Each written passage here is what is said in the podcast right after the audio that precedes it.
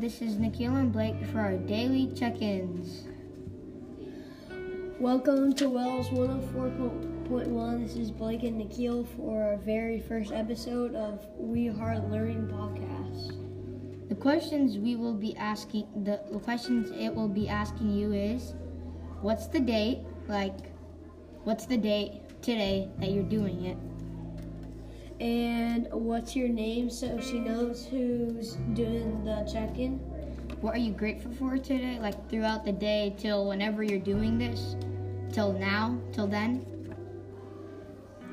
How are you feeling so she knows just how you are feeling that day? And what goals do you have for yourself? Like, throughout the whole day, like, which, what goal do you want to set for the whole day? And is there anything you want to share with your teacher? That means, like, if there's something going on and you really want her to know, you can tell her on, on the daily check in.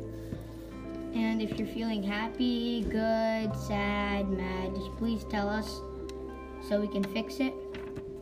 And thank you for listening to 104.1 Wells podcast. And keep watching. Be ready for our next episode. And we'll see you next time.